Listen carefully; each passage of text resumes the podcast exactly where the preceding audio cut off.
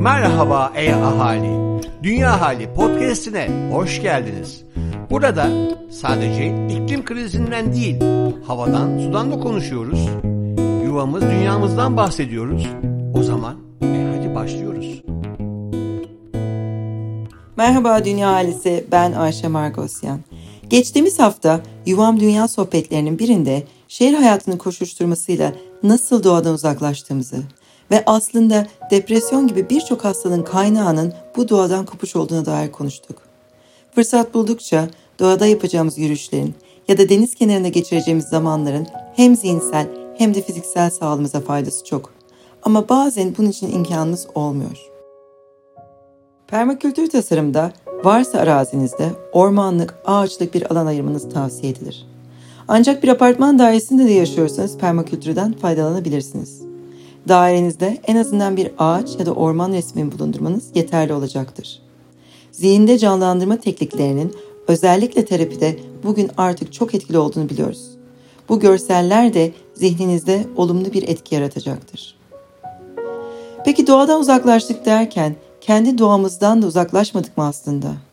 Doğaya faydalı olabilmek için ya da iklim krizinin olumsuz etkilerine çare olabilmek için aslında kendi özümüzü tanımamız gerekir. Günlük koşuşturma içinde kendimize hiç zaman ayıramadığımızın belki farkında bile değiliz.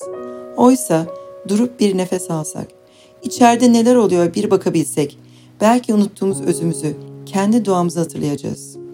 Şuna söylemek isterim ki bu içe bakış her zaman herkese uygun olmayabilir ya da o kişi için doğru zaman olmayabilir. Bu sebeple birazdan vereceğim örnekler herkes için uygun ya da uygulaması kolay olmayabilir. Kendi doğamıza, özümüze dönebilmek için sıklıkla meditasyon teknikleri önerilir. Bir teknik hakkında fikriniz yok ve öğrenmek için çok da zamanınız olmadığını düşünüyorsanız gün içinde aklınıza geldikçe nefesinize odaklanabilirsiniz. Nefese odaklanmak, ana odaklanabilmek için en etkili araçlardandır.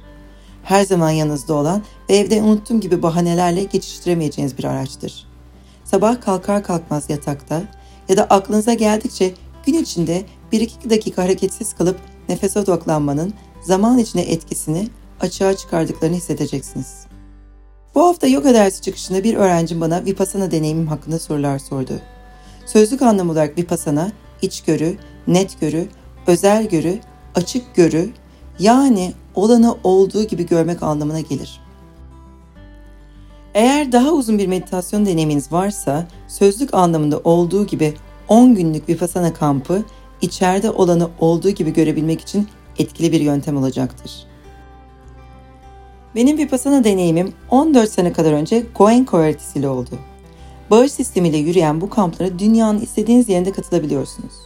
10 gün sessizlik içinde süren bu kampta günün büyük bir çoğunluğunda meditasyon yapıyorsunuz. Tekniğin etkisini anlayabilmeniz için aşamalı olarak size anlatılan meditasyon teknikleri dışında bir meditasyon tekniği ya da başka bir aktivite yapmamanız öneriliyor. Başka öğretilere de göz atmak isterseniz Dharma Seed, Gaia House ya da Spirit Rock yine güvenilir kaynaklar olacaktır. Meditasyon ve özellikle de mindfulness artık terapilerde de çokça kullanılıyor. Dr. Dan Siegel'ın akıl gözü başta olmak üzere birçok kitabı da terapide meditasyonun aslında merkezde kalıp içe dönmenin faydalarından bahseder. Oxford Üniversitesi'ne mindfulness temelli kavramsal terapi bölümünün öncülerinden Mark Williamson 8 haftalık mindfulness planını anlatan kitabı da hem oldukça açıklayıcı hem de birçok örnek içermektedir. Çeşitli meditasyon tekniklerine 80'lerde başlamış biri olarak artık günümüzde eskiye nazaran oldukça çok kaynak olduğunu söyleyebilirim. Ve bu kaynaklardan birinde yer alan kısa bir egzersizle bitirmek istiyorum. Peter Levin, Kaplanı Uyandırmak isimli kitabında travmayı iyileştirmekten bahseder ve bunun içinde küçük egzersizlere yer verir kitabında. Eğer bu egzersizlerden birinde şimdi bana katılmak istiyorsanız, oturduğunuz yerde rahat bir oturma pozisyona geçebilir ya da sırt üstü yatabilirsiniz. Gözleriniz açık ya da kapalı olabilir.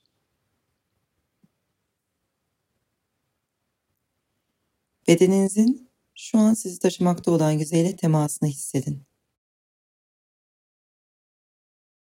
Teninizi hissedin.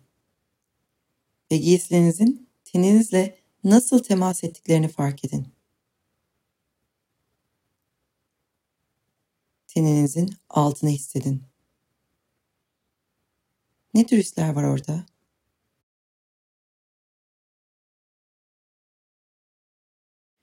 Şimdi yavaşça bu hisleri hatırlayarak düşünün. Kendinizi rahat hissettiğinizi nasıl anlıyorsunuz? Hangi fiziksel hisler bu genel rahatlık duygusuna katkıda bulunuyor? Bu hislerin daha çok farkına varmak sizi daha fazla mı rahatlatıyor? Yoksa daha az mı rahat hissediyorsunuz?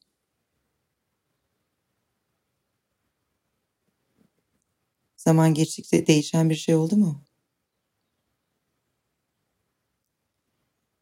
Bir süre böyle kalın ve rahat hissetmeye dair duygusal algının keyfini çıkartın. İyi, rahat.